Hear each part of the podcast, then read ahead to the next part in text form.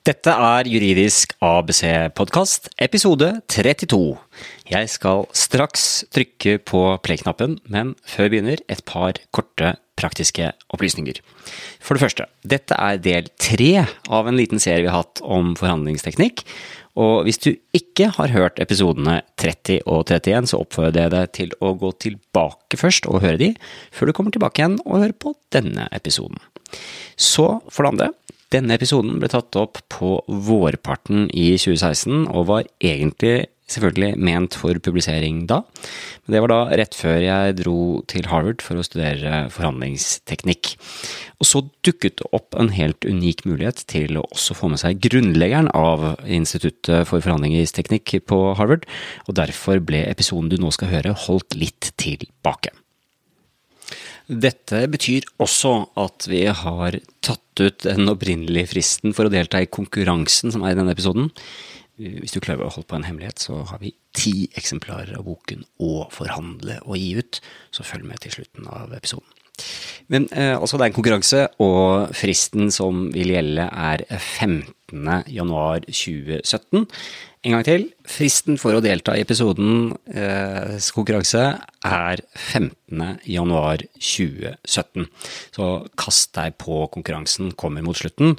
Og jeg eh, kan jo røpe det at normalt pleier det å være ja, i hvert fall 50% sjanse for å vinne i konkurransene som vi har her. Men ikke si det til noen andre, det heller. Ok. Vi må komme oss videre. Vi skal straks eh, i gang. Jeg er veldig glad for å endelig kunne dele denne episoden med deg. En bitte liten advarsel, eller i hvert fall opplysning, må jeg også gi på veien. Denne episoden er lang, også i juridisk ABCs eh, målestokk. Vi snakker om en uh, samtale på nærmere halvannen time her sånn. Uh, så det er egentlig et slags minikurs i forhandlinger. Sigurd Knutson holder, holder, jo kurs i forhandlingsteknikk. De pleier å være kostbare. Hans timesats er høy. Eh, men her får du en gratis eh, masterclass med Siri Knutson i forhandlingsteknikk. Så er det jo sånn da at forhandlingsteknikk det er et modningsfag. Om du modner helt på den tiden denne episoden tar, det vet jeg ikke. Men, men poenget er at eh, det er ikke som å bare forklare en bestemmelse i en lov, en paragraf. Det er, det er mange prinsipper som kommer inn, og det er egentlig en måte å tenke på Derfor så tenker jeg også at eh, det er fint at vi eh, bruker litt tid på temaet i dag, sånn at du kommer godt i gang. Og jeg håper at du også da blir eh, inspirert, og at du har lyst til å investere denne tiden i å lære deg til å bli bedre på å forhandle. Og jeg kan love deg det, at uh, bruker du tid på å lære deg forhandlingsteknikk, så vil du få resultater. Så enkelt er det. Men nok om det. Det er en lang episode, så jeg skal ikke gjøre den altfor lang ved å snakke mye før jeg i det hele tatt trykker på play. Nå er jeg klar. Nå trykker jeg på startknappen, så kommer vi oss i gang. Vær så god. Juridisk ABC podkast. Du er en forhandler. Ja, for vi er alle forhandlere hele tiden. Vi forhandler på hjemmebane om matpakker og henting av barn på trening og vi forhandler om forretningsavtaler, lønn og ferieordninger på jobben, og om pris ved kjøp av bolig. Du forhandler hver eneste dag fra du står opp til du legger deg, og i denne podkasten skal vi finne ut av hvordan du kan bli en bedre forhandler. Velkommen til Juridisk ABC. Mitt navn er Eivind Arntzen, og mitt mål med denne podkasten er å gi deg kunnskap om juridiske temaer som kan hjelpe deg med å forstå jussen i samfunnet og lykkes bedre med å løse juridiske spørsmål både på jobben og privat. Men i dag skal vi ikke snakke om hard juss, men i stedet altså sette fokus på det temaet som er nødvendig for å kunne anvende jussen med full tyngde. Vi skal altså snakke om forhandlingsteknikk. Så det blir en jusspodkast i dag, men den er fullstendig blottet for jusparagrafer.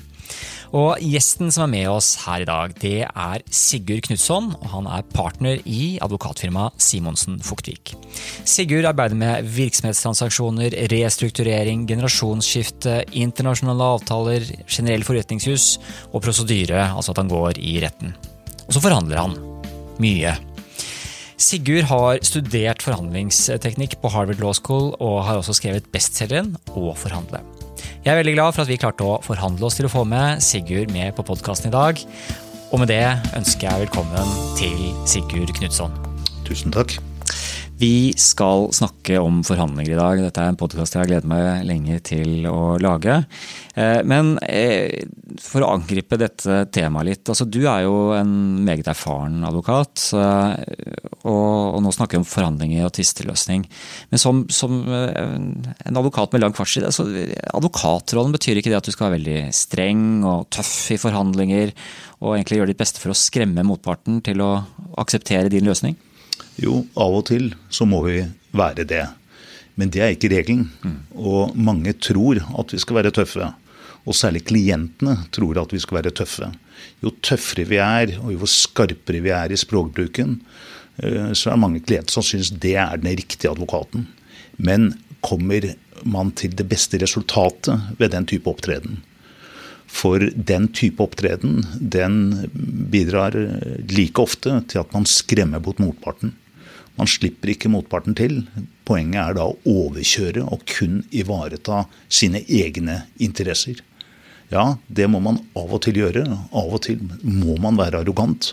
For eh, av og til så må målet hellige middelet. Men eh, man må ikke ha det som et utgangspunkt. Og for mange av oss, vi opptrer på den måten uansett. Mm. Det er ikke eh, Det er, bærer ikke alltid like godt frem. Jeg har prøve å få plassert eh, dette med forhandlinger også litt sånn innledningsvis her. sånn. Eh, vi snakket om det litt i forkant av innspillingen også med, med forhandlinger. Er det, er det en, en, vitenskap eller er det en kunst eh, når man da er noen ganger tøff og, og litt arrogant? Er det et psykologisk spill, eller er det en metode som man bruker? Har du noen tanker rundt det? Uh, ja, uh, jeg vil ikke nødvendigvis si at det er en kunst, selv om det er noen som er uh, naturlig nok mye bedre enn andre. Men det er til dels en vitenskap. For forhandlinger og forhandlingsmetode er, og hva som man lykkes med, er faktisk også noe som er empirisk sannsynliggjort. Det forskes mye på forhandlinger, ikke så mye i Norge, men det gjør det særlig i USA. Eh, og det gjør det til en viss grad også i, England. Eh, mye er jo selvfølgelig psykologi, og mye er jo juss, og mye er økonomi. Eh, slik at forhandlinger er jo en, er på mange måter en tverrfaglig fag, i den grad man skal kalle det et fag. Men det er selvfølgelig også veldig erfaringsbasert.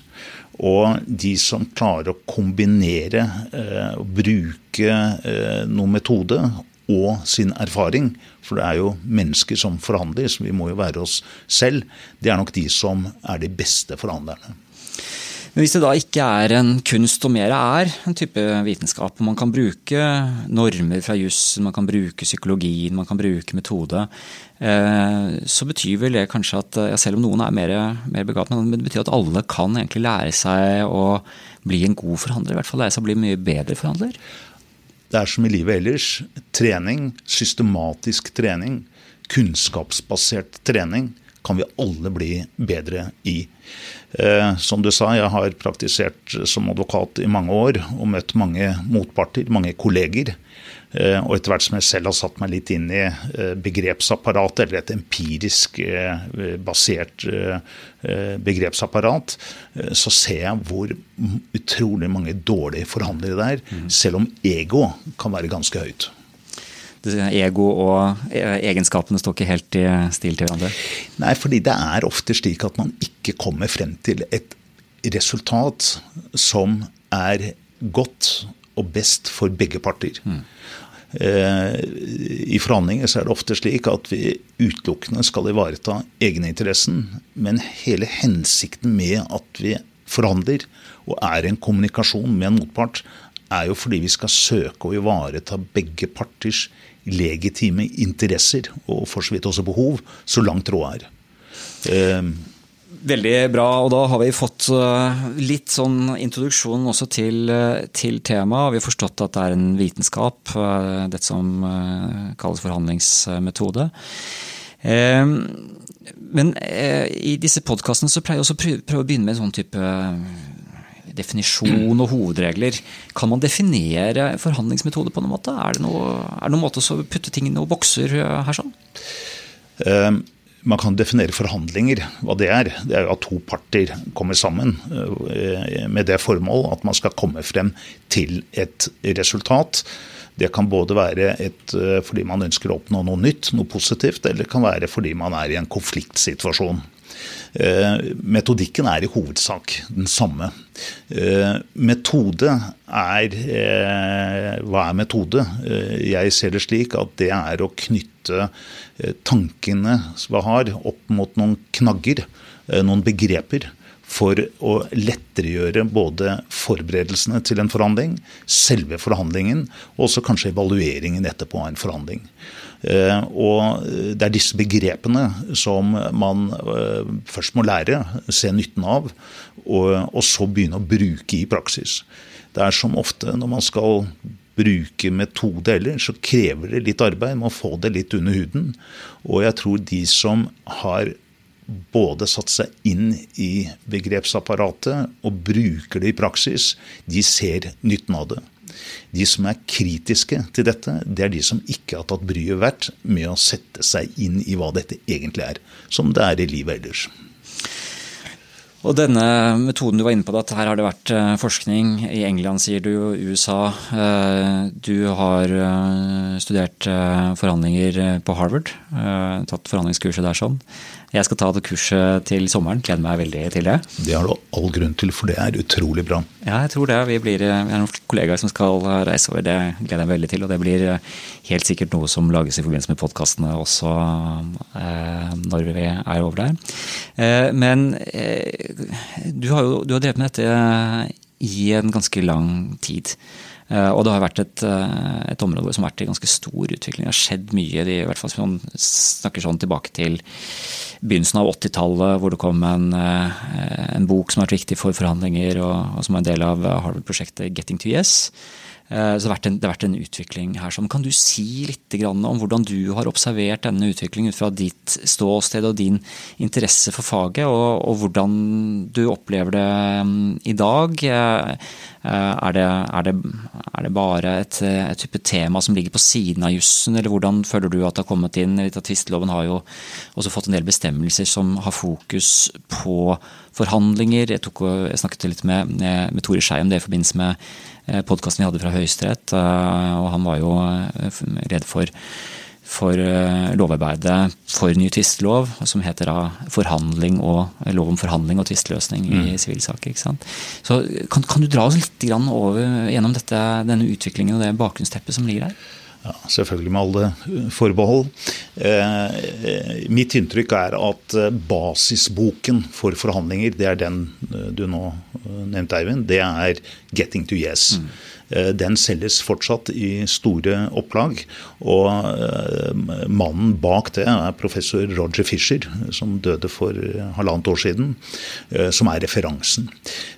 Han utviklet noen begreper. Det er jo mange som har vært med å videreutvikle det også ved Harvard. Men disse begrepene er referansebegrepene fortsatt. De er både kritisert av mange andre akademikere, men det er ingen Jeg har ikke lest én bok i forhandlinger, om forhandlinger som ikke tar disse begrepene, har disse begrepene som et utgangspunkt. Eh, og eh, det er fordeler med de. Jeg selv har brukt disse begrepene, og bruker de hele tiden. Eh, og jeg kan nevne andre som bruker de. Det er f.eks. Jonas Gahr Støre, som også har eh, vært på Harvard. Eh, da han begynte som utenriksminister, så begynte han faktisk da med Harvard-modellen. Det var hva skulle være utgangspunktet for norsk utenrikspolitikk, og det var norske interesser. Og da laget han en akse som gikk på idealinteresser versus realinteresser og nærinteresser og fjerninteresser. Og det, Den aksen burde være utgangspunktet også for norsk utenrikspolitikk. Og så gjorde han noe som er veldig viktig i forhandlinger, og det er å sørge for at alle berørte personer må ha eierskap også til prosessen. Det er ofte eierskapsrettferdighet er nesten, og prosessrettferdighet er ofte like viktig som, et, som resultatrettferdighet. Ta f.eks. generasjonsskifte, hvor, eh, hvor, det kan være en forfordeling. Men det kan aksepteres hvis alle berørte arvinger, eller ektefeller for den saks skyld, eh, er med i prosessen. Dette er i den prosessen at man bruker et begrepsapparat som alle forstår man har noen knagger som at, som ikke behøver å være akademisk akademiske i seg selv, for det er helt logiske og lett forståelige. Men det er et begrepsapparat som gjør at alle henger med.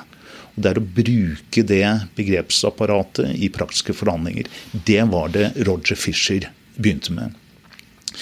Eh, de hadde en ganske eh, stor sak eh, på Harvard i forbindelse med konflikten i Midtøsten. Mm.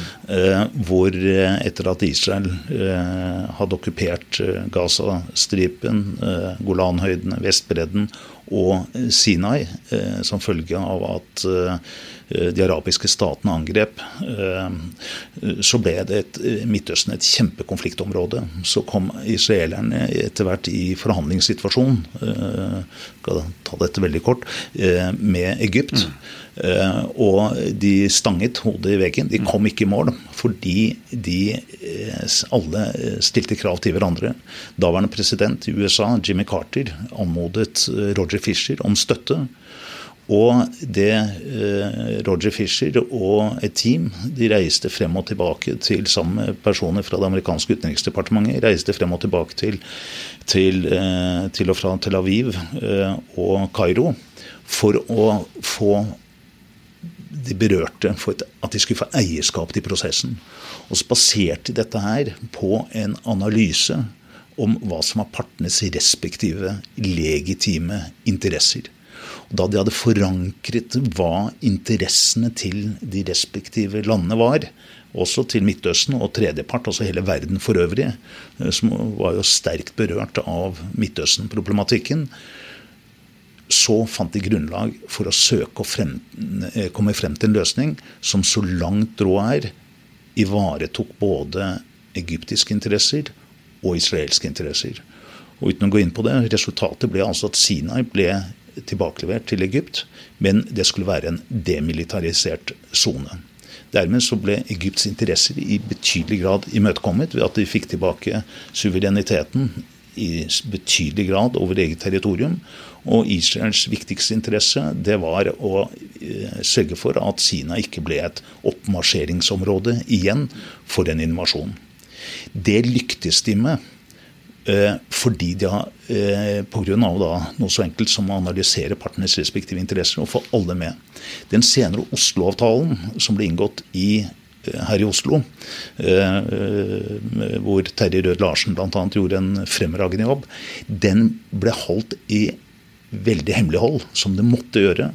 Men den hadde ikke noe forankring nedover i organisasjonene, i embetsverket, eh, eh, i, i, i, Israel, og heller ikke blant palestinerne. Så det var en glimrende avtale. Men fordi den ikke var forankret, så ble den heller ikke etterlevet. Det er andre grunner også. Dette er det mange eh, tanker om. Men det ser jeg i hvert fall som en av grunnene til at, ikke, at den ikke ble vellykket. Så det Fisher gjorde, det var å innføre noen grunnleggende begreper, sånn som dette 'best alternative to mm. negotiated agreement', som egentlig er uttrykk for maktspillet i en konkret forhandlingssituasjon. Dette er, og dette med interesselæren. Batna, som du, som du, kommer inn på. Jeg syns dette eksempelet du, du, trekker frem fra eh, konflikten mellom, eh, mellom, Israel og Egypt, er fantastisk. for Man kan se for seg tradisjonell tilnærming her med disse nasjonene eh, som står i så sterk konflikt og med, med, krigshandlinger bak seg. Og så sitter man som forhandler og, og, ser på et kart og snakker om hvor er det grensen skal trekkes. Eh, og det er jo i utgangspunktet en umulig Det er en, kake som det er umulig å dele. Man kan ikke bli enige om å trekke noen ny grense. Eh, og så begynner man da å lete etter partenes virkelige eh, interesser. Og så er da, som du sier, altså interessen til eh, Israel er eh, trygghet, og at man ikke har egyptiske tankser som står rett på så, så, nærme de mer sentrale delene av nasjonen. At man vil ha denne buffersonen. Og Egypt ønsker suvereniteten, og så finner man en løsning med demilitarisering. Jeg synes Det er et fantastisk eksempel på hvordan man kan gå frem i forhold til å finne løsninger. Eh, et annet klassisk eksempel er jo eh, denne appelsinen. Jeg kaller det Harvard-appelsinen. Du kjenner sikkert til den. Eh, du har vel nevnt den kanskje i, i boken også. Ja. Kan du ikke gi leserne det eksempelet også? For det er så lett å, nei, leserne, lytterne det eksempelet, for det er så lett å forholde seg til. Jeg kan si det slik at det må jeg kanskje nå slutte med, fordi det er så mange som har hørt eksempelet. Jeg pleier ofte å begynne forelesninger mm. med å si at jeg beklager at jeg virkelig stresset, for jeg overvar en forferdelig diskusjon mellom to av mine døtre i ungdomsårene. Eh, og jeg sa at nå må dere kutte ut. De hadde et språkbruk og eh, en måte å prate på som de i hvert fall ikke har lært av meg.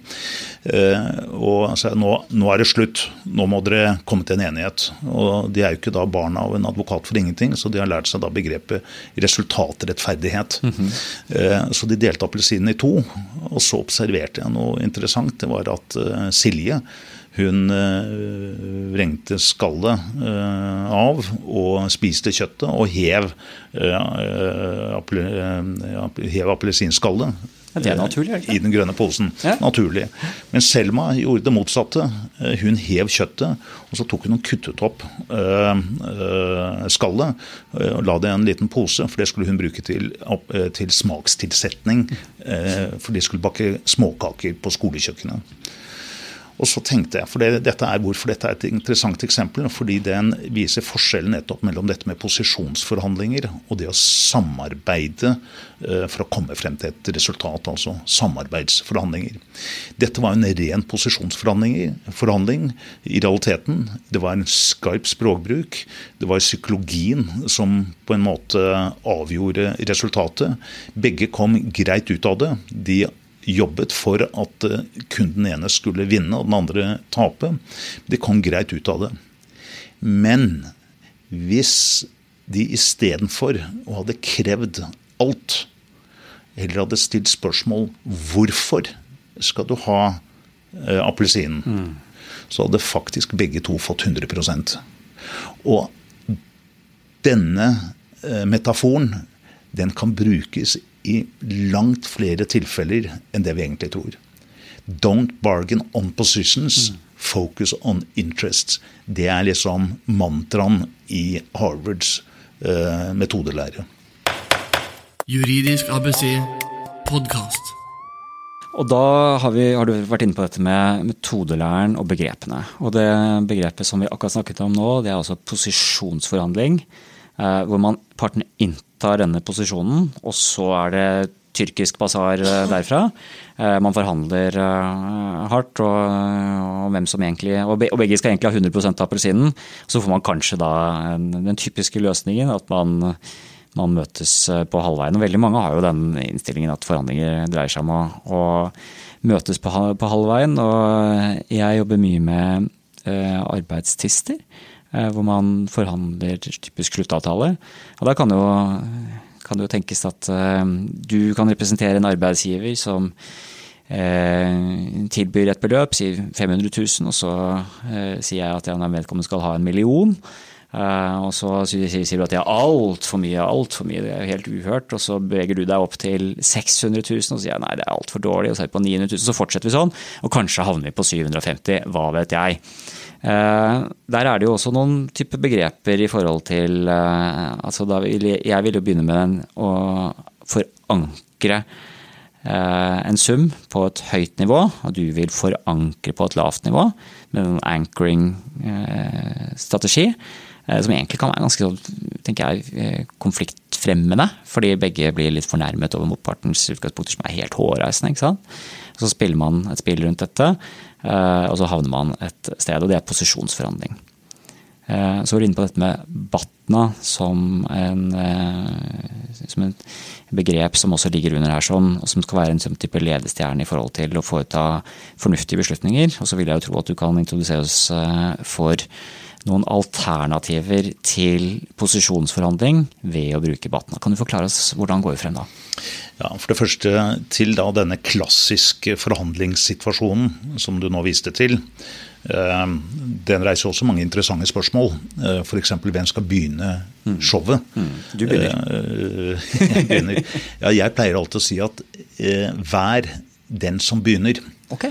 Eh, det er det litt delte meninger om i teorien, men eh, min oppfatning er vær alltid den som sitter i førersetet mest mulig. Vær den som skriver avtalen.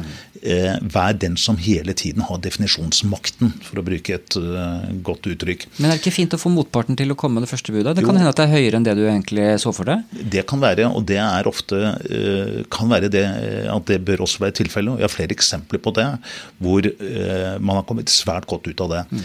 Eh, men ha mentalt som et utgangspunkt at man selv begynner. Mm.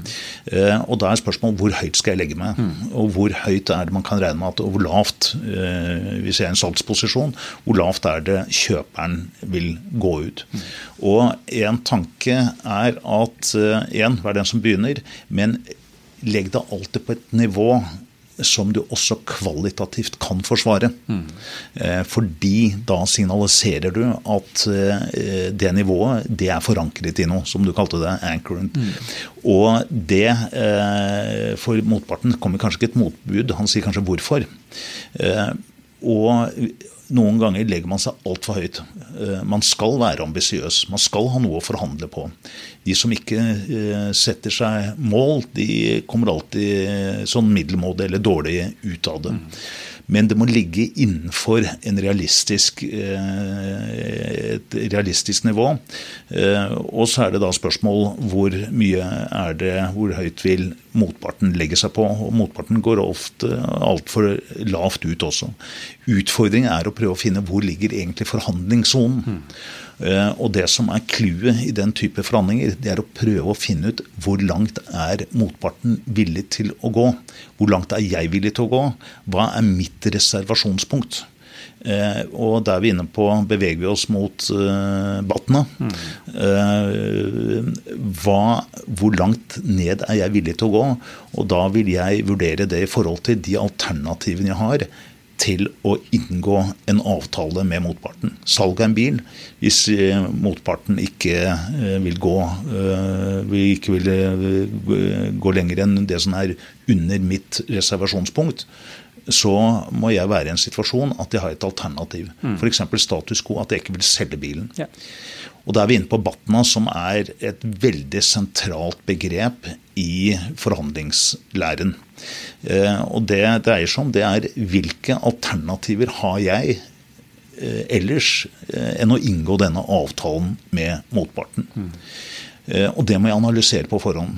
Det er ofte ikke så veldig vanskelig. Men det som er utfordringen, det er å analysere hvilke alternativer har motparten. Mm. For clouet her er, og det er den, kan du kalle den situasjonsbetingede maktsituasjonen mellom partene, det er jo flere alternativer jeg har, jo bedre forhandlingsposisjon har jeg.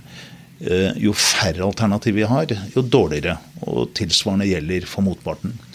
Det er forskjellen i alternativene som skaper mellom partene, som skaper eh, makt, eh, den umiddelbare maktspillet.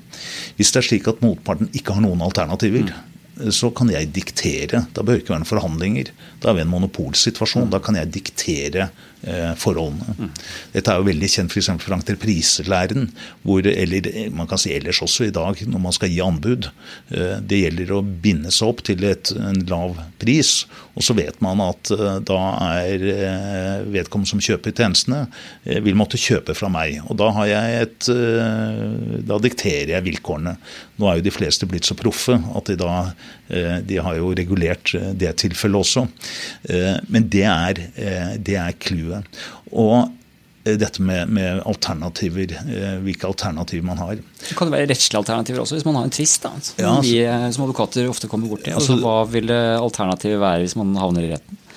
Det, kan, det er, hva er alternativet da? Og Ofte så er jo alternativet i en konfliktsituasjon så er jo alternativet å komme i retten. Mm. Og Det er noe egentlig ingen av partene egentlig vil.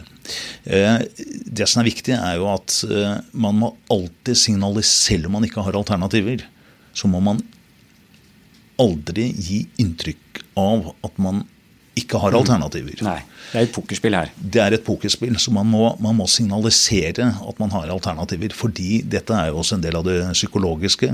Fordi det gir inntrykk av at jeg må ikke inngå en avtale med deg, men det er din interesse og min interesse. La oss komme i, i mål. Men det er jo i tillegg til å gi inntrykk at man har alternativer. Og hvis du da ikke har alternativer, så må du forsøke å arbeide med å få alternativer, så du ikke blir bundet av motparten. Og på den annen side, hvordan kan du begrense motpartens alternativer? Det er også et, eh, et eh, spill. Mm. Og det vi kjenner til, og som hvor amerikanerne har vært veldig flinke, og hvor en del går i baret, det er f.eks. det å inngå en intensjonsavtale med eksklusivitet. Mm. Hvis du f.eks. skal selge bedriften din, eller du skal selge huset ditt, og du gir eh, en interessent kjøper som har kommet med et veldig godt pristilbud, eh, men med forbehold f.eks. For om eh, undersøkelser eller due diligence eller noe sånt noe, hvor man alltid kan finne noe, så begrenser du alternativene dine. Uh, og hvis du da har en intensjonsavtale med en eksklusivitet over en par måneder, uh, så blir du kanskje tvunget til å inngå avtalen med denne potensielle uh, kjøperen. fordi de øvrige aktuelle kjøpere de er da forsvunnet hvis ikke kan komme tilbake. Det er risikoen. Og det er en del av spillet. Det er å prøve å, prøve å redusere motpartens alternativer. Dette er en del av maktspillet. Det handler mye om analyse også, da, tenker jeg. Det å analysere på forhånd og, og ha en klar plan. Og hvis man da begynner å, begynner å inngå sånn type forhåndsavtaler, så må man i hvert fall sørge for å ha veier ut? Ja, det er noe av forberedelsene.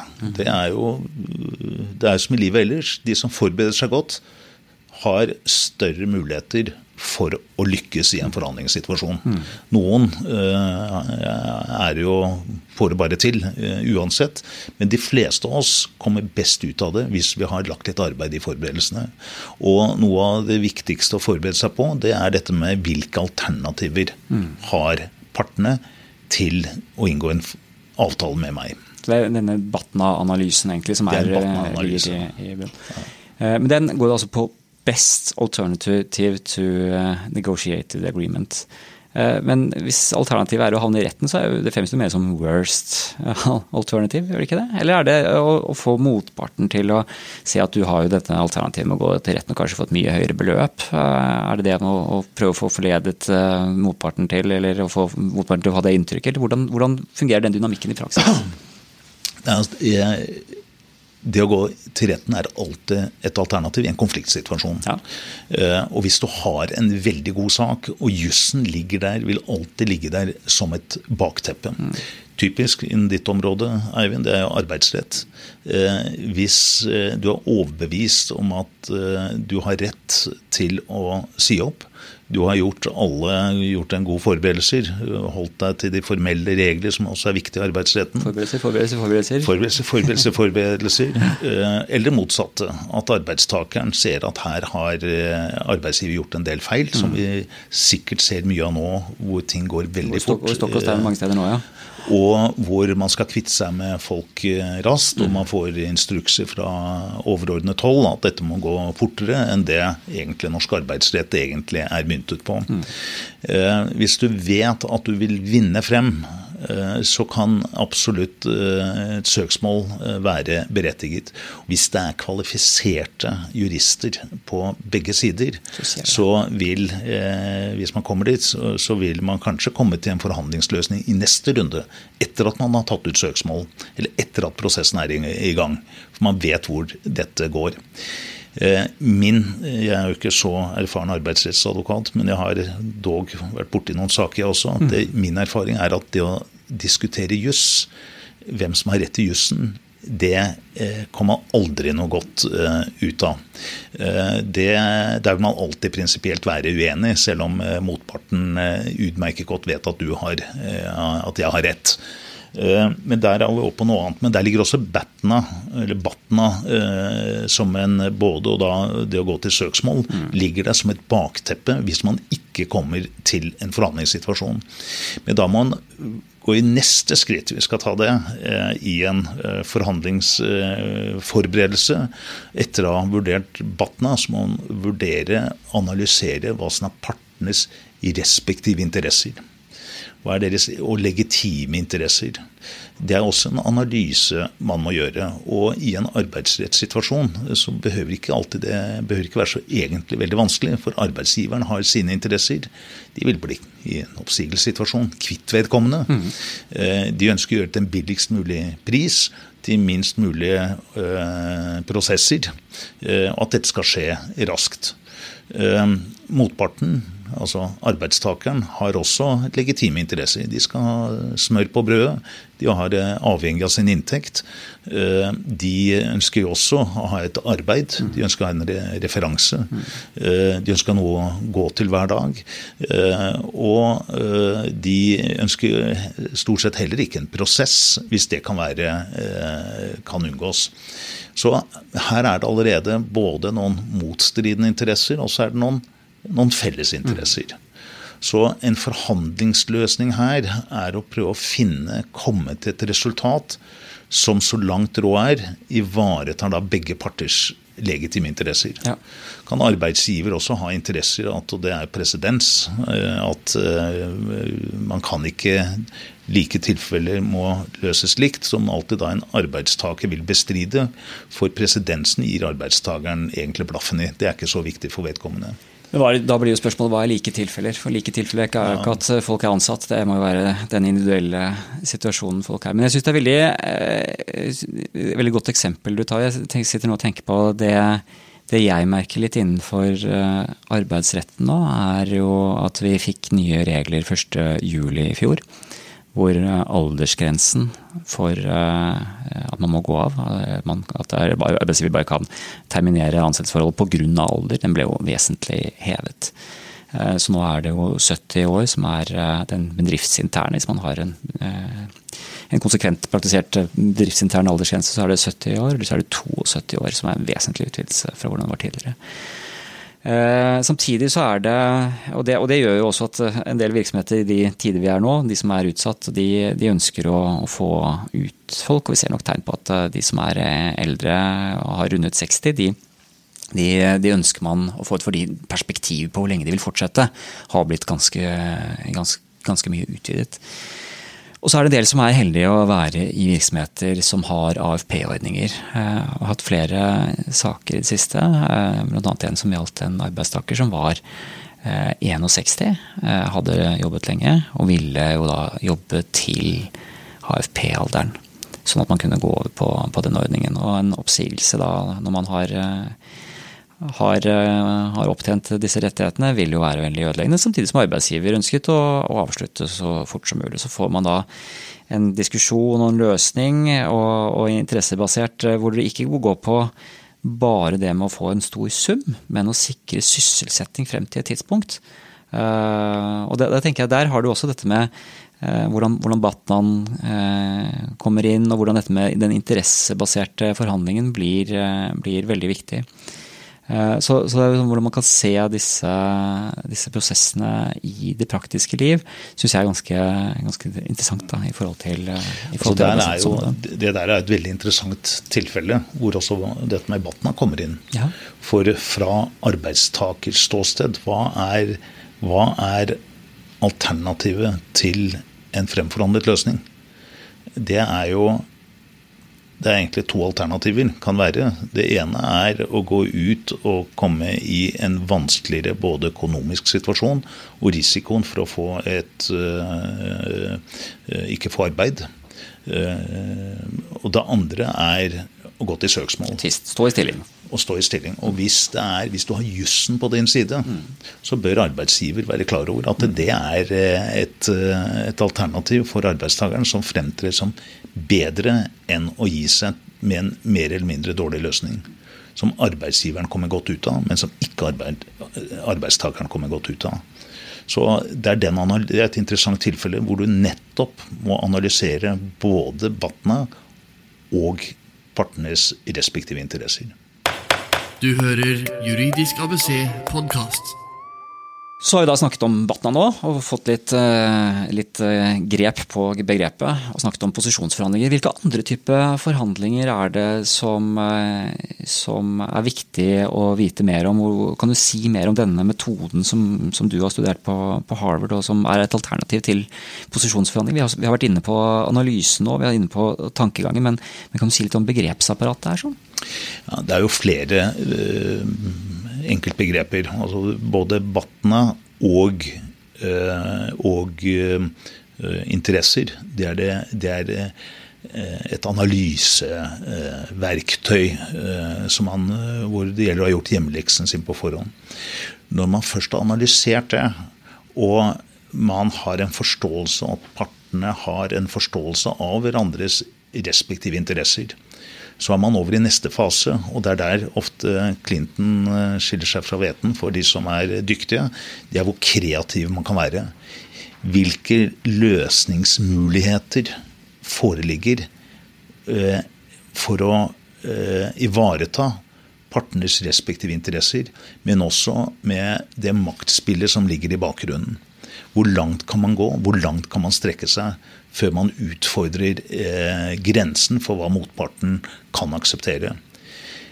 Det er, det er, det som skiller de gode forhandlerne fra de, eh, fra de dårlige. Det er å finne kanskje en tredje vei. Mm. Eh, vi blir så oppslukt av vår egen måte å tenke på når vi går inn i forhandlingene. At det kan jo være at noen tenker kreativt, og som egentlig ivaretar motpartens interesser. Og Grunnen til det, at vi er så bundet ofte, det er fordi vi er mentalt veldig bundet opp i våre inngangsposisjoner. Mm. Det skal vi ha. Og er det noen som utfordrer vår, vår måte å tenke på for å nå dit, så, så, så, sliter vi. Men det er nettopp derfor det er å vri diskusjonene bort fra posisjoneringen over på interessene og hvilke behov man egentlig har. Selv, selv om man har en veldig god sak, juridisk god sak, særlig hvis man har en dårlig juridisk sak, så er det av særlig betydning å vri eh, tematikken over på interesselæren. Så vi snakket om forberedelser i sted, og vi snakket om dette med anchoring, og anchoring da overfor for motpart i forhold til å, å, å vise disse utgangsposisjonene. Samtidig så hører jeg nå at den anchoringen den kan jo ha en side til oss selv også. Og, og forberedelsene det kan være vel og bra, men vi må også ha et åpent sinn i forhandlingene. Vi må være innstilt på å å jobbe med å finne, finne løsninger og, og, søke å finne motpartens interesser, egne interesser. Eh, Sinajørken-eksempelet er jo nærliggende igjen. Eh, for, for, å finne løsninger. Er det, er det en oppsummering? Det, er, det vi nå har snakket om, det er jo kan du si er veldig sånn materielle forhold mm. eh, i en forhandlingssituasjon. Eh, men det er jo mennesker da, som forhandler. Eh, og vi er jo ikke noen roboter, ikke ennå i hvert fall, hvordan vi tenker. Vi lar oss bli påvirket der og da. Eh, og vi har muligheten til å påvirke motparten der og da, selv den måten vi opptrer på. Kan du si noe om dette med hvordan vi opptrer i forhandlingene? Altså litt dette med si, forhandlingsteknikk i forhold til forhandlingsetikk. Eh, jeg nevnte pokerspill i sted. Du skriver i boken din 'Å forhandle', så skriver du også om dette med eh, er det, er det greit å lyve, f.eks.? Eh, kan man forlede noen? Hvor er gråsonen? Hva er kurant, hva er ikke kurant? Har du noen betraktninger om og noen råd i forhold til hvordan man opptrer i en forhandling. Det er klart Vi som advokater vi har jo en rolle. Vi eier ikke saken, det er klienten som eier saken. Vår rolle er å fremme klientens interesser. Eh, med de, si, de, lovlige midler som står til disposisjon. Dette kan komme, på, komme i kollisjonskurs med å opptre som en gentleman, kanskje. Eh, dette vet jeg du, du, kan mye om, har mye erfaring om, du har skrevet om det. Kan du si litt om det? Eh, jeg skal ikke komme med noe råd, men jeg kan komme med noen betraktninger ja. om det. fordi Da er vi inne på dette med en menneskelig dimensjon, fordi vi er så veldig forskjellige. Men eh, du tok opp dette med etikk og når man kan lyve i forhandlinger. For pokerspill er jo uttrykk for at man sitter på noen kort, eller man sier kanskje ikke kortene på en riktig Sier ikke det man egentlig vet, på en riktig måte. Og det er noen grunnregler som jeg mener er helt fundamentalt. Og det er at man skal aldri si uriktig faktum. Eh, det er, eh, da mister man tillit. Eh, og det, det, kan jo være at det er noen man skal forhandle med i ettertid. Det er også i vår verden det er folk blant våre kolleger som du vet du ikke kan stole på. Mens det andre du vet er det man gjerne kaller hel ved. Og det går på at man tuller ikke med faktum. Men når man fremlegger faktum, det kan være et annet spørsmål. Og det kan være et taktisk eh, spørsmål. Men i enkelte tilfeller så går det an å ljuge i forhandlinger. Og det er f.eks. hva som er ditt reservasjonspunkt. Ja, riktig. Du kan si, eh, og det er, liksom, det, er det eh, Hvis noen spør deg hvor langt har du lov til å gå, mm. som de spør deg som advokat, så sier du nei, jeg får ikke lov å gå under 100. I realiteten så har du fått en forhandlingsfullmakt til å gå til 80. Og når du da nærmer deg ned mot eh, og du, du viser at du For å komme videre, så må du gå under 100. Da kommer det en litt vanskelig situasjon. Eh, og da må du på en måte bløffe deg ut av den situasjonen ved f.eks. å ringe til klienten eller si at nå må dette avklares på et høyere nivå, eller et eller annet, og si at jo, jeg kan strekke meg til 90. Det er en ikke uvanlig forhandlingssituasjon vi er oppe i. Eh, og eh, da har du lov å bløffe mer. Eh, men det er klart at forhandlinger er jo et litt spørsmål. Ikke bløff, det er et sånt negativt ord. Men det er jo et spørsmål om hvordan du taktisk skal gå frem. Og det ligger bl.a. når er det du skal Hvilke trekk skal du ta når? Eh, når skal du si fra om det?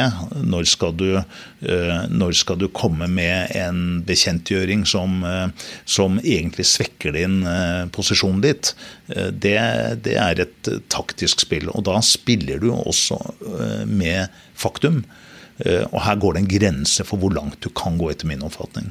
Jeg har hørt et bilde i forhold til dette med fremstilling av faktum som går på rett og slett å, å fremkalle bilder. Altså I dag så gjør vi det digitalt, men, men å fremkalle bilder er jo litt en kunst. Så det arbeidet som gjøres i laboratoriet. Man kan velge å Eh, å fremheve eller få styrke eh, enkelte uttrykk i bildet, eller, eller svekke det. Nå kan man gjøre det ved en app eh, på Instagram så kan du velge hvilket filter du legger på, og bildet blir ganske forskjellig. Det er det samme motivet, men bildet tegnes på en helt ulik måte. Og det tenker jeg at det er vel kanskje rett og slett advokatens jobb å, å sørge for å tegne det bildet som er eh, riktig i forhold til saken, så lenge det er det samme bildet du viser. Og du legger på det filteret som er nødvendig i forhold til å fremme egne interesser. Hva tenker du? Ja, Der er du inne på eh, eh, Beveger du deg i retning av dette med kommunikasjonsprosessen også. Mm. Eh, det er jo ofte slik, og dette gjelder jo særlig konfliktforhandlinger, hvor vi får fremstilt et faktum som eh, er basert på eh, det som er viktig for klienten. Eh, når vi går gjennom saken, så ser vi jo at det er ikke det som er de egentlig relevante forholdene for å komme i mål. For å komme frem til en løsning. Og ofte er det ofte slik at vi må endre artikulasjonen. Vi må endre hvordan saken skal fremstilles, særlig når vi skal i retten. Eh, da må vi eh, få forstå hva motparten mener. Vi må prosessere den kunnskapen og den måten å være på den måten vi eh, mener er riktig. For skal vi formidle dette videre, så må vi jo bruke vår måte å snakke på. Eh, det kan ofte få klienter som ikke er vant til eh, den type språkbruk som vi eh, advokater bruker, kan av og til være en litt utfordring. For de syns kanskje vi snakker litt rundt grauten, og du er mer klarere. Men da må vi ha den tillit. Og det er jo den utfordringen vi har i alle sammenhenger. Og det er jo at vi må uttrykke oss på en slik måte at mottakeren forstår budskapet. Eh, og hvis vi ikke er gode til det, så er jo eh, muligheten, eller risikoen, for å ikke nå frem, er jo, eh, er jo i stor grad til stede. Og det må vi Det er en av våre store utfordringer det som, som advokater. Det er jo nettopp hvordan vi får frem budskapet. Og budskapet det er jo da en Kommunikasjonsprosessen har jo hovedsak tre elementer. Det er en avsender, det er et budskap, og det er en mottaker. Uh, og uh, vi kan ikke være kan ikke, Vi kan ikke garantere at motparten har forstått det vi sier på en skikkelig måte. Noen er bedre enn andre til å ordlegge seg, og noen er flinke til å få frem det relevante poenget. Uh, særlig hvis det er lange utredninger, og det har jo vi advokater en tendens til å komme. Mm. Har vi da fått frem hovedbudskapet? og det er slik at når budskapet gjøres muntlig, Eh, så skal jo da dette prosesseres også i hodet til motparten, som så skal fremlegge dette til sin sjef eller prinsipal, eller så vil jo det bli prosessert i vedkommendes bilde. Og den uklarheten og den metaforen med disse bildene, det får kanskje en annen fargelegging. Mm. Uh, og eh, er det da det samme bildet som min klient ønsket å formidle til motpartens uh, motparten, som igjen er formidlet gjennom to advokater.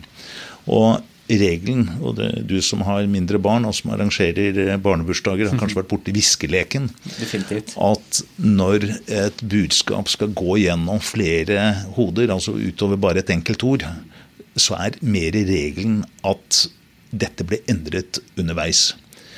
Og dette er en av grunnene til f.eks. at ofte forhandlinger skjærer seg. Det er fordi at man ikke er klare nok i kommunikasjonsprosessen. Og Det må vi være klare over. at da må, Er det et viktig budskap, så bør det ofte regelen er at det bør ofte eh, repeteres i eh, skriftlig. Send en mail etterpå at hovedet det er uttrykte, det var sånn, sånn og sånn. I dette så hører jeg jo også det viktigheten av at partene møtes litt type face to face også. Altså det, som en del av kommunikasjonen. At ikke du har forhandling gjennom stråmenn, som en del gjør. Uh, mange, mange, prosesser vi har hvor man har mellommenn og profesjonelle mellommenn. og og, kan, og, vi advokater kan jo ha den rollen uh, i, i, mange mange tilfeller også. Men at uh, den kommunikasjonen, når man også skal se tilbake i forhold til interesseavveining og, og, finne den kommunikasjonsplattformen, uh, at den direkte kontakten kanskje er, er en nøkkel til suksess. Ja, dette må vurderes konkret i de enkelte tilfellene. Hva som er mest hensiktsmessig. I saker hvor det er veldig betent forhold mellom partene, Eh, mye følelser, så kan det være hensiktsmessig at kanskje parten ikke er til stede engang. For bare at de ser hverandre, eh, det skaper eh, Setter egentlig det man ønsker å, å formidle og kom, komme frem til. Det ødelegger en sånn situasjon.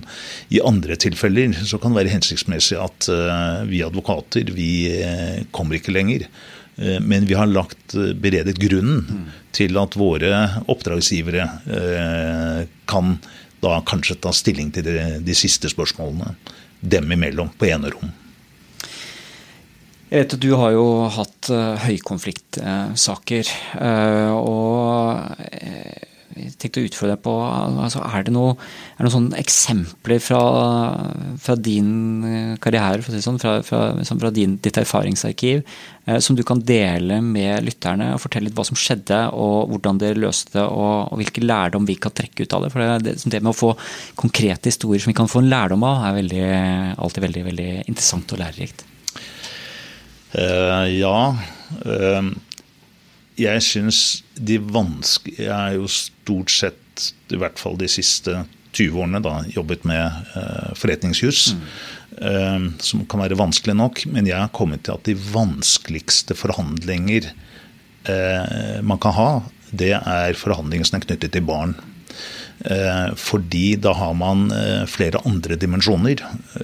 Eh, da er det utgangspunktet er det ikke bare interessene til partene som skal ivaretas, det er jo først og fremst barnets beste som skal ivaretas. Og hva som er barnets beste, har foreldrene stort sett i hvor konfliktene er på et høyt nivå. De har helt fundamentalt forskjellige oppfatninger. Eh, eh, om det. Eh, for de ser barnets beste i sitt perspektiv, i sitt bilde. og det er, det er det, etter min oppfatning, er kanskje noe av det aller vanskeligste. Du har nok kanskje noe av det samme også i arbeidsrettssaker. Mm. Der er jo i hvert fall er det jo de to partenes interesser som skal ivaretas. Men det er det ene. Det andre som du da har i arbeidsrettssaker også, det er at det er veldig høyt følelsesnivå. Ja. Eh, det er en menneskelig dimensjon som du ikke finner på samme måte i mer rasjonelt anliggende eh, saker. Og det må man huske på også som advokat. Det gjør at det kreves ekstra mye å være advokat i barnesaker. Fordi du har eh, den menneskelige dimensjonen som er særlig fremtredende.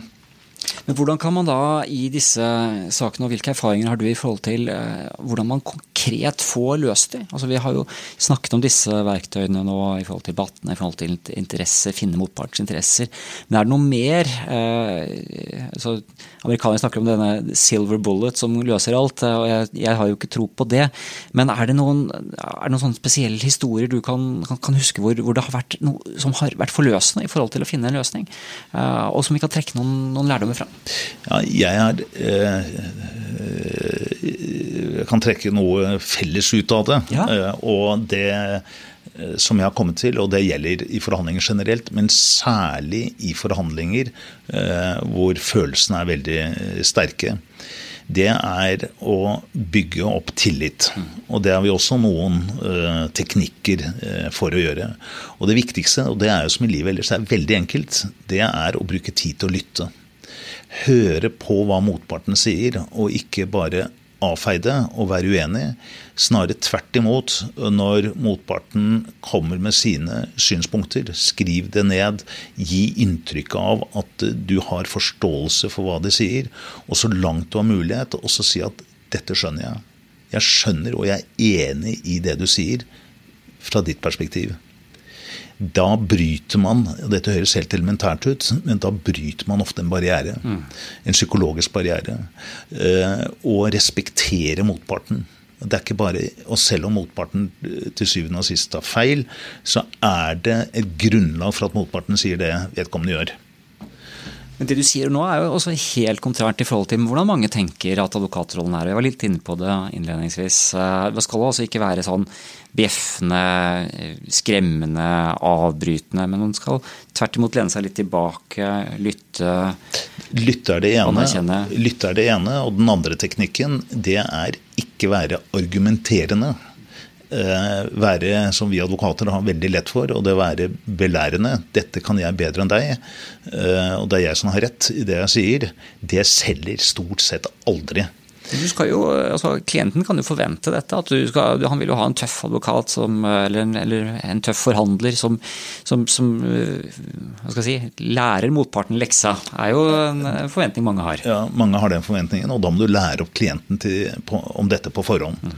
Så Kommunikasjon med klienten, altså ikke at klienten læres i at her er det en walkover, her skal vi, du få innfri alle dine krav. altså du, kan, du har, Man har ikke gått inn og gjort en helhetlig vurdering også av hva som er mulig. Man har ikke gjort en vurdering. Det er typisk at man ikke har gjort en vurdering av både Batna og interesselæren.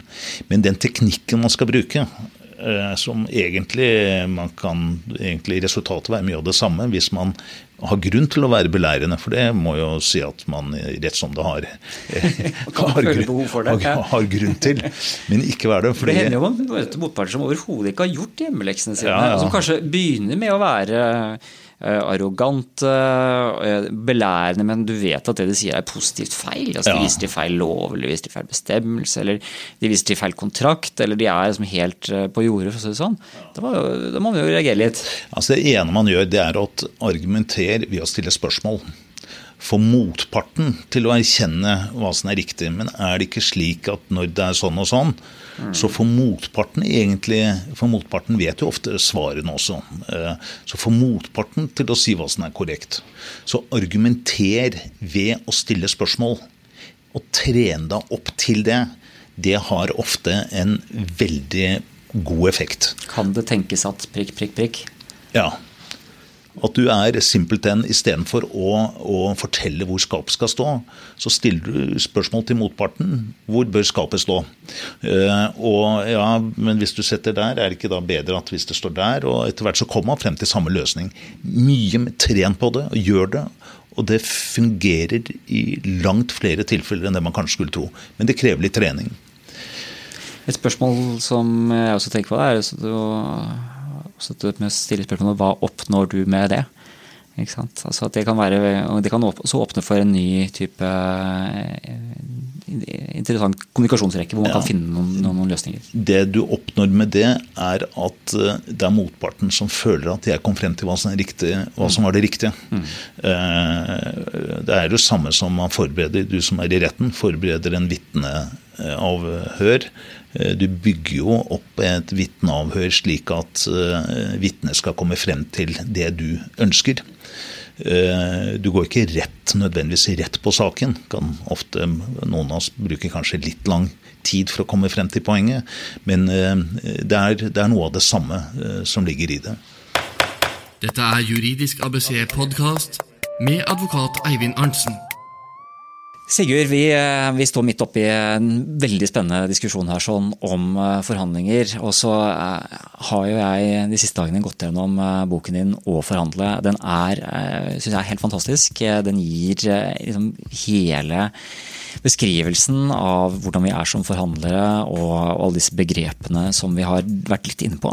Eh, Samtidig som du gir oppskrift på hvordan man møter forskjellige vanskelige forhandlingssituasjoner. Jeg vil gjerne at vi eh, lar Takk for det. lytterne ja, men det mener jeg virkelig. Og eh, jeg vil gjerne gi lytterne mulighet til å få lest boken. Vi kan ikke gi ut en bok til alle lyttere, men vi, vi gjorde litt av det samme med Nikolai Skarning og da han var inne her med oppsigelse på 1, 2, 3, at vi ga bort noen eksemplarer til lytterne. Så jeg vet ikke Hvis vi hadde hatt kanskje tre-fire bøker eller eh, noe der omkring, kanskje fem bøker å gi bort til de som hører på, eh, og lage det som en liten sånn morsom konkurranse. som hvis eh, du som hører Du, på jeg strekker meg til ti. jeg. Oi! Voldsom. Eh, ok, da har vi ti bøker som vi gir bort her nå. Tusen, tusen takk. Det er veldig elskverdig av deg og eh, kanskje også Hegnar Media bidrar sånn. Eh, da gjør vi det sånn at eh, hvis du som hører på har lyst på et eksemplar av denne boken, så går du inn på iTunes. Det blir litt sånn Apple-konkurranse her, sånn, men Apple har gjort mye for podkast, så det fortjener de. Gå inn på iTunes, finn juridisk ABC, eh, og legg inn en vurdering av podkasten. Det hjelper podkasten å bli synlig i iTunes, og det er vi veldig glad for. Andre får anledning til å finne podkasten. Og så fort du har gjort det, så sender du en mail til post at juridiskabc.no eh, og skriver eh, brukernavnet du brukte, og hva du skrev, sånn at vi vet at det er du som får eh, boken. Og de ti første som gjør det, får boken tilsendt i posten, rett og slett. Høres det bra ut, Sigurd? Veldig bra. Da, da kjører vi det som en liten sånn annonse parallelt her sånn. Og så hopper vi tilbake til temaet. Du hører Juridisk ABC podkast. Vi har snakket nå om eh, mange spennende temaer. Eh, Samtidig så er dette noe vi kunne snakket om i mange timer. Eh, Du har skrevet en hel bok om det. Du holder også kurs om forhandlinger. Vi må se på en avslutning her nå, selv om jeg gjerne skulle snakket i, timevis fortsatt.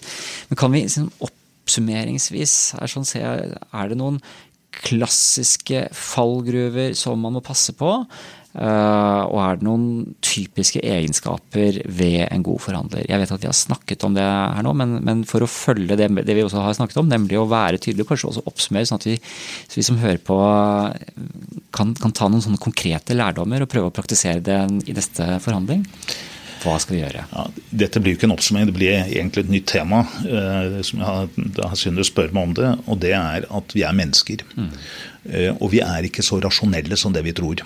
Vi blir i mye større grad enn det vi tror påvirket av det intuitive, også av det følelsesmessige. Eh, vedkommende eh, verdens fremste, en av verdens fremste akademikere for tiden, en som heter Kahneman. Eh, han fikk Nobels, eller Den svenske akademis økonomipris i 2002 i beslutningsteorier. Det høres veldig akademisk ut. Men det det går på, det er forholdet mellom hva er det som påvirker beslutningstakere. Er det det rasjonelle overveining, eller er det følelsesmessige? Eh, og vi blir påvirket, og det, er masse empiri, også blant overfor dommere. Eh, og eh, han er egentlig psykolog, men da, da fikk Nobels, som han kaller det, økonomipris, som på en måte legitimerer hans, hans standing også i blant de rasjonelle. Det er Vi er det bare ordenes makt som påvirker i en forhandlingssituasjon? Eller er det hele settingen? Og Da er vi tilbake på dette med å ha tillit. Mm. Eh, og hvis du ikke har tillit Du kan alltid tvinge gjennom en løsning, men skal du komme frem til en løsning som partene skal innrette seg etter, og at du ikke skal ødelegge relasjonen for enhver fremtid, så må du tenke litt også på eh, hvordan du ordlegger deg, hva slags språk du bruker. Ikke provosere motparten for mye. For stort sett da går man eh, tilbake i en posisjonsforhandling, og da går man bare ned i en skyttergravsposisjon. Det er ikke et godt utgangspunkt for å komme frem til et riktig resultat. Jeg pleier ofte å si til klienter i forkant av tøffe forhandlinger eh, at eh, jeg kommer nå til å være ganske høflig når vi møter motparten, og kommer til å prøve å ha en, innta en lyttende og konstruktiv eh, innstilling. Jeg kan også klare å skape en skikkelig konflikt, og det kan gå veldig, veldig, veldig fort. Så hvis du ønsker at man virkelig skal få konfliktnivået opp, så gjør vi det på noen få sekunder. Men du må vite det, kjære klient, at hvis hvis vi først trekker konfliktnivået opp, så er det fryktelig vanskelig å få det ned igjen.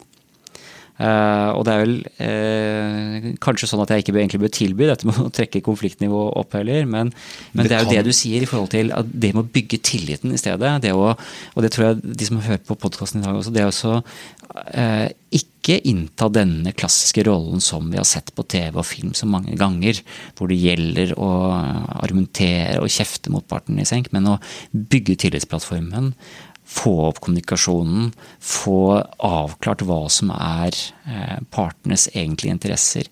Se etter alternative løsningsmodeller. Tenke på Israel og Egypt og hvordan man eh, løste den vanskelige situasjonen i forhold til grensedragningen der, eller appelsinen til dine døtre. Det er det jeg i hvert fall tar, meg, tar med meg ut av, av den samtalen vi har her nå. Det er jeg helt enig i. Det er regelen. Men av og til Eh, så må en også eh, ikke bare stille motparten eh, spørsmål hvor skapet skal stå. Av og til så må du fortelle hvor skapet skal stå, og du må tvinge gjennom en løsning. For av og til så kan det være at målet helliger middelet, selv om du må holde deg innen visse etiske grenser. Så kan man si da at vi begynner med det gode. Vi begynner med å forsøke eh, kommunikasjonen og forhandlingen. Og hvis ikke noen ting annet fungerer, da får man heller si at ok, da har vi krysset linjen, og så så åpner man et nytt kapittel hvor man heller eh, tar på seg slåsshanskene, for å si det sånn. Ja, det er jo ikke slik at man enten driver med posisjonsforhandlinger eller samarbeidsforhandlinger. Det er noen tankemessige, det er noen knag, tankemessige knagger man bruker. Eh, men det er jo ofte slik at når eh, vi kommer i en litt spent situasjon i forhandlingene, så er det veldig lett for at vi går over i en posisjonsforhandling. Mm. Og det er også en svakhet vi alle har, og det er at vi da begynner å bli personlige. At vi begynner å ta mannen eller kvinnen istedenfor ballen. Som gjør at avstanden i praksis bare blir enda større, hvor det motsatte burde være tilfellet. Og jeg ser det selv. Jeg går i den tabben rett som det er. Jeg, jeg prøver å unngå det. Men, og jeg ser det i forhandlinger ellers, at det er en tendens vi alle har. Men da gjelder det av og til å ta en pause. Sette seg i et helikopterperspektiv. Se ned på arenaen. Vurdere hva kan vi nå gjøre for å komme videre. For den retningen vi går nå er i, den, den fører egentlig ikke frem. Så også bl.a. det å ta pauser. Det å, for å ta et, ta et litt sånn laidback holdning til hvor vi er, det kan også være hensiktsmessig. Vi blir så situasjonsorientert når vi er midt i forhandlinger at vi glemmer eh, totaliteten. Eh, og bl.a. ved bruk av metode, og det syns ofte vi jurister er gode til. Da, fordi vi er, vi er trenet i Eh, en metodisk tenking som har eh, betydning utover bare den konkrete saken vi arbeider i. Det er jo veldig mye av det eh, vi gjør, for vi har et, vi har et normsystem å forholde oss til. Det normsystemet kan brukes også på områder, eller et normsystem kan brukes gjennom begrepsbruk utenfor bare det rent juridiske. Ja, det er klart at det hjelper det at man er vant til å, å ha disse normene, altså, eller eh, hva skal jeg si, disse settekassene, de, de, metodikken i forhold til å, å, å, gå frem på, og regler for hvordan man, eh, hvordan man løser konflikter. Altså er det litt sånn at Når du har dette begrepsapparatet, som jeg sa innledningsvis, når du er midt i en situasjon, så har du de begrepsknaggene å forholde deg til. Eh, det lettergjør også når du er midt oppe i en vanskelig situasjon. Og det er det ofte, som vi ofte jurister gjør. Det er liksom å få saken tilbake til det det egentlig eh, dreier seg om. Men ved hjelp av dette her, så kan man også, hvor man ofte er litt ute på viddene i noe som eh, kan være viktig nok, men det er liksom en Det er et fragment i den store sammenhengen.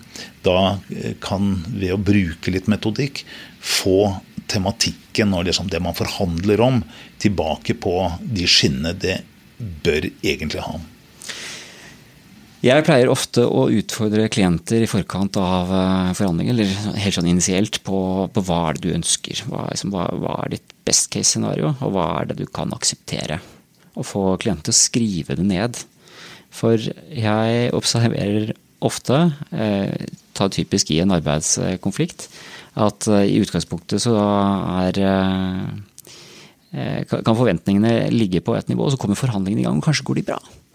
Og så skjer det et eller annet psykologisk hvor eh, hva, som, eh, hva, som, er måloppnåelse, det endres. Mm.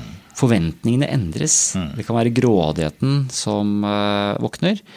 enten en arbeidstaker som ser mulighet til å få enda mer, ønsket i utgangspunktet å få et halvt års lønn, eh, og så har man kommet opp på ni måneder, og, så er, eh, er man der hvor man overhodet ikke vil akseptere noe som er mindre enn et år, i hvert fall. Eller det kan være en arbeidsgiver som i utgangspunktet var villig til å gi ganske mye, men så går forhandlingene, og så begynner man å knipe igjen og knipe igjen. Og knipe igjen. Og da tenker jeg at dette med å, å ha knaggene i forhold til forhandling, og ha gjort den forberedelsen og ha nedtegnet. Og kanskje også å se på i forhold til som du sier med normer, altså se på hva er som er eh, objektive kriterier her. sånn. Hva er det man typisk vil kunne forvente å få ved en dom? Eh, hva er det som er bransjepraksis? Eh, og se på alle disse forskjellige si, momentene som kan, kan bidra, men, men, hele tiden også ha fokus på på hvor var det man startet, og hva var det man forventet. Mm. Det er som du nevnte, hva er bransjenorm? Hva vil en dom være? Ehm, eh, det er jo viktig å ha med seg også som et bakteppe. For hva gir en løsning? Hva gir det legitimitet? Eh, og hvis man da viser at vel, vi har kommet til Eh, en løsning som er i overensstemmelse med det som er eh, Høyesteretts praksis. Vi har kommet frem til en løsning, eh, typisk arbeidsrettssak, som nå er eh, blitt en praksis i denne bransjen. At eh, man får x antall måneders eh, lønn i ettertid, og krever betydelig mer enn det. Det må du gjerne gjøre, men det, det vil du heller ikke få medhold i hvis saken blir satt på, på spissen. Og det er, ikke, det er ikke de resultatene man pleier å komme frem til. Men av og til så kan det være at arbeidsgiver ønsker å få vedkommende ut så fort som mulig likevel, og at man er villig til å strekke seg, og derved eh, vil komme frem til en individuell løsning som avviker fra det som f.eks. er en bransjenorm. Så det er da å finne de argumentene, og om eh, disse blir sagt indirekte, eller eh, av og til må man være veldig klar på, på, dette. Da nærmer vi oss det man ofte kaller trusler i en forhandlingssituasjon. Av og til, det skal man være veldig forsiktig med. I hvert fall være veldig direkte med det. Men av og til så kan det være en nødvendighet eh, for at eh, klientens interesser skal bli ivaretatt på en ålreit måte. Men dette er, alt dette er jo veldig situasjonsbetinget. Uh, uh, og så er det en annen sak. Hvorfor forhandler vi? Forhandler vi bare for å komme frem til en løsning her og nå? Uh, eller kan det være av betydning å ha en relasjon i ettertid også? Mm. De positive forhandlingene, altså hvor man skal felles oppnå noe, så forhandler man jo ikke bare fordi man skal komme frem til en teknisk avtale. Man forhandler jo også fordi man skal etablere eller utvikle en relasjon. Eh, som kanskje kan gi enda større muligheter i fremtiden. Men hvis du er for tøff, og du ikke er til å stole på, så bryter du kanskje noe av det grunnlaget for å gjøre mer ut av relasjonen i fremtiden. Og vi, vi lever jo av relasjoner mennesker imellom. Og det er jo, dette skiller bl.a. mellom den eh, kan si den vestlige, som påvirket av den angloamerikanske forhandlings kultur, det er at eh, vi, fordi vi har så utviklet rettsapparat bl.a., det er at vi har klare grensesnitt. Og bryter vi de grensesnittene, altså er det mislighold i en avtale, så er vi veldig klare på hvilke rettigheter vi har. I andre kulturer jeg har jobbet eh, litt i Afrika, så ser man, og i Asia så ser man dette på en annen måte. Man forhandler for å komme frem til en relasjon. Eh, og eh, hvis den relasjonen ikke er til stede, spiller ingen rolle om hvor god juss du har. For den jussen du har, den får du ikke gjennomført uansett. Hvis ikke du har en relasjon til vedkommende. Og Det er derfor i de andre kulturer så spiller relasjonene enda større rolle enn hos oss, men den spiller stor rolle også i Norge og i vår kultur. Den arbeidstakeren du eh, skal hive ut, eh, vil kanskje være en eh, viktig leverandør om et år. Og da gjelder det ikke å brenne alle broer. Oslo, Norge, Norden og Europa er mindre sånn sett enn det vi, vi tror. Jeg hører så ofte at klienter sier til meg sånn Eivind, du må huske på at min bransje er veldig liten. Ja, sånn, ja takk. Det, det, ja. det, er din også. Det er, det er alle. og det er, ja. Advokatbransjen er liten. Du var inne på dette. Vi, vi, vi, vet hvem som er hel ved, og hvem som er hva skal jeg si, uh, ikke til å stole på innenfor, innenfor, vår bransje når det gjelder forhandlinger. Og det er klart at det eksempelet ditt er veldig godt med den du sier opp i dag kan være, sitter faktisk som kunderepresentant om et halvt år. Ja. Sigurd Knutson, Jeg spurte om en liten sånn oppsummering eh, her i sted. Vi har fått en kjempebonusrunde. Jeg føler at forhandlinger er som et eh, kjempestort hus hvor man stadig kan åpne nye dører, finne nye rom. Vi har eh, vært på en, liten omvisning her i dag. Du har vært en fantastisk guide. Jeg takker deg for det. Når vi står liksom på trappen på vei ut, er det noen er det noen avsluttende råd du vil gi? Eh, kan du si noe om hvor eh, de som er interessert i faget, kan få mer eh, informasjon? Du har en bok som heter 'Å forhandle', som har kommet i annen utgave. Den skal jeg få lov til å promotere for deg. Den bør alle som hører på podkasten selvfølgelig lese. Takk for det. Men kan vi, kan vi si noe nå helt på slutten, før vi takker for i dag? Jeg syns uh, vi kan avslutte der vi begynte. Uh, er dette en kunst eller vitenskap? Uh, jeg sier det er ikke noen kunst, men det er en fordel å sette seg inn i et relativt avgrenset begrepsapparat. Eh, prøve å eh, ta det positivt. Eh, prøve å, prøve å bruke det, og særlig vi advokater som forhandler hele tiden. Men det, alle gjør jo det alltid. Å bruke det og kombinere det med den erfaringsbakgrunnen som vi alle har. Jeg pleier å si det når jeg holder kurs og forelesninger, at jeg, jeg har ikke tenkt å lære dere noe nytt. Men det jeg har tenkt å gjøre, er å bruke noen begreper som gjør at dere kommer til å sitte med en aha-opplevelse. Jo, men selvfølgelig er det sånn og sånn. Og bruk da disse begrepene i det daglige. Uh, I tillegg som det er veldig knyttet til det materielle siden, i tillegg til den personlige siden ved det. Jeg har kommet til at det personlige spiller større og større rolle enn det jeg liksom hadde tenkt på tidligere. Uh, forholdet mellom mennesker. Uh, ofte selger ikke sånne ting, for det høres som veldig sånn psykolog, sosionomaktig ut. Mm. Men det er mye viktigere enn det man tror. Så jeg kan anbefale den uh, boken til Kahneman som heter 'Tenke fort og langsomt'. Mm. Kom ut i 2012. Mm. Den koster paperback under 100 kroner. God investering. Det er en kjempegod investering og kommer til å sitte med ha-opplevelse. Selvfølgelig er det sånn. Akkurat det samme som boken til, uh, til Roger Fisher også, som er veldig enkelt å lese. Men den krever egentlig begge de bøkene krever mer tid til refleksjon enn litt sånn som rettskilder er en tekoff i gamle dager.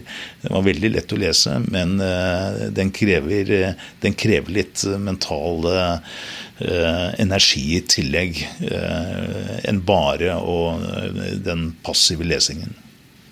Man må være i, si, i, en, i en situasjon hvor man kan kan, fokusere helt på innholdet og virkelig absorbere det som, det som ligger i den type bøker. Jeg eh, liker å høre på disse, denne form for litteratur når jeg er ute og kjører bil, eh, og bare kunne selvfølgelig tenke på det å kjøre bil men, å være bevisst på å kjøre forsvarlig, men det å bare kunne fordype meg i de bøkene. Og jeg er helt sikker på at de som hører på podkasten, har også sine favorittsituasjoner der man hører på lydbøker eller, eller podkaster. Vi har nå fått gleden av å tilbringe en drøy time sammen med deg. Eh, dette har også vært, en, selv om det har vært en veldig spennende samtale, så har det jo også vært eh, helt sikkert mye å fordøye her. sånn. Det er en helt annen måte å tenke på i forhold til å, å løse vanskelige situasjoner. Vi har blitt kjent med deg i forhold til både den si, kanskje ikke den myke siden, men den, men den, den konstruktive siden i forhold til å gå inn i forhandlinger med et åpent sinn, lete etter interessene, bygge den gode plattformen, samtidig som du er tydelig på at på et eller annet tidspunkt må man også sette ned eh, foten. Det er helt sikkert eh, en del lyttere som eh, tenker at det kunne vært greit å ha deg som våpendrager i en konflikt. Hvordan kan man komme i kontakt med deg, hva slags oppdrag er det du tar, og hvordan kan man eventuelt få hjelp av deg hvis man står i en vanskelig situasjon? Jeg er jo advokat, det er jo det jeg lever av. Ehm, eh, så jeg lever av, jeg lever av konflikter, og jeg lever av Å løse konflikter. Å løse konflikter. Men lever, eh, lever av å bidra til å, eh, til å systematisere problemstillinger. Det er jo det vi advokater ofte kan bidra med. Så ofte sier jeg at jeg kan bidra til å analysere på forhånd, så kan du selv gå ut i krigen. Eh, og det er eh, å gjøre oppmerksom på liksom metodisk at vi, å sette eh, den konkrete sitt Det kan også være i forbindelse med kjøp av en bedrift, det kan være i forbindelse med restrukturering, det kan være i forbindelse med problematikk på en arbeidsplass etc. Det er å strukturere problemstillingene på grunnlag av et visst begrepsapparat som både ligger i grenseland mellom det forhandlingsmessige begrepsapparatet og også jussen. Det, det, er jo en stor grad av det vi advokater eh, gjør hele tiden. Ja, ta kontakt via, og det, det ligger vel kontaktinformasjon også på Simonsen Eh, Fuktviks eh, sider, er det ikke det som er, ja, det er min, navnet nå? Det er etter hvert noen fusjoner. Det er mitt ståsted. Og vi legger selvfølgelig også ut referanser til deg og med kontaktinformasjonen på juridiskabc.no, som vi alltid gjør. Det er alltid at vi lager en side til hver podkastepisode. Der tenker jeg, her legger vi også litt lenker til bøkene vi har snakket om i dag. Sånn at man har noen bokanbefalinger som lytteren kan ta med seg Sigurd Knutson, nok en gang tusen takk for at du var med oss her i dag. Takk for å bli invitert. Det har vært interessant og hyggelig. Juridisk ABC podkast. Det var dagens episode av Juridisk ABC. En litt annerledes episode både i forhold til tema, og at eh, jeg tror ganske sikkert vi sprengte den hvert fall tidsrammen vi har holdt oss til i podkasten så langt. Men det er jo det som er fint med podkast. Her er det ikke noe sendeskjema å ta hensyn til, så da kan vi bruke den tiden som eh, vi syns er eh, Eh, nødvendig for å få gått ordentlig gjennom temaet. Men nå er vi eh, helt sikkert proppfulle i hodet og litt slitne av eh, dagens veldig spennende tema. Men jeg håper jo det at siden du fortsatt hører på nå, så er det mulig å få deg til å være med på konkurransen som Sigurd og jeg snakket om. Det hadde vært veldig bra om du kunne gått inn på iTunes og lagt igjen en vurdering, og så er det fryktelig gode sjanser for å vinne en bok når det er ti bøker i potten måten, så vet jeg nesten ikke om vi om vi blir kvitt alle, holdt jeg på å si. Eh, det ligger vel 40-50 vurderinger i iTunes nå, og det er etter to, to, år, så her eh, bør det være gode muligheter. Så hiv deg på, og eh, meld deg på konkurransen. Så håper jeg at vi ses, høres og ikke så altfor lenge. Ha det bra! Du har hørt Juridisk ABC podkast. For mer informasjon om dagens tema, se juridiskabc.no. Her finner du flere podkaster og artikler innen arbeidsrett, eiendomsrett, familierett og temaer for deg som driver egen virksomhet. Meld deg på vårt nyhetsbrev på juridiskabuseet.no. Produsert av Øystein Weibel og Kanonlyd. Kaboom!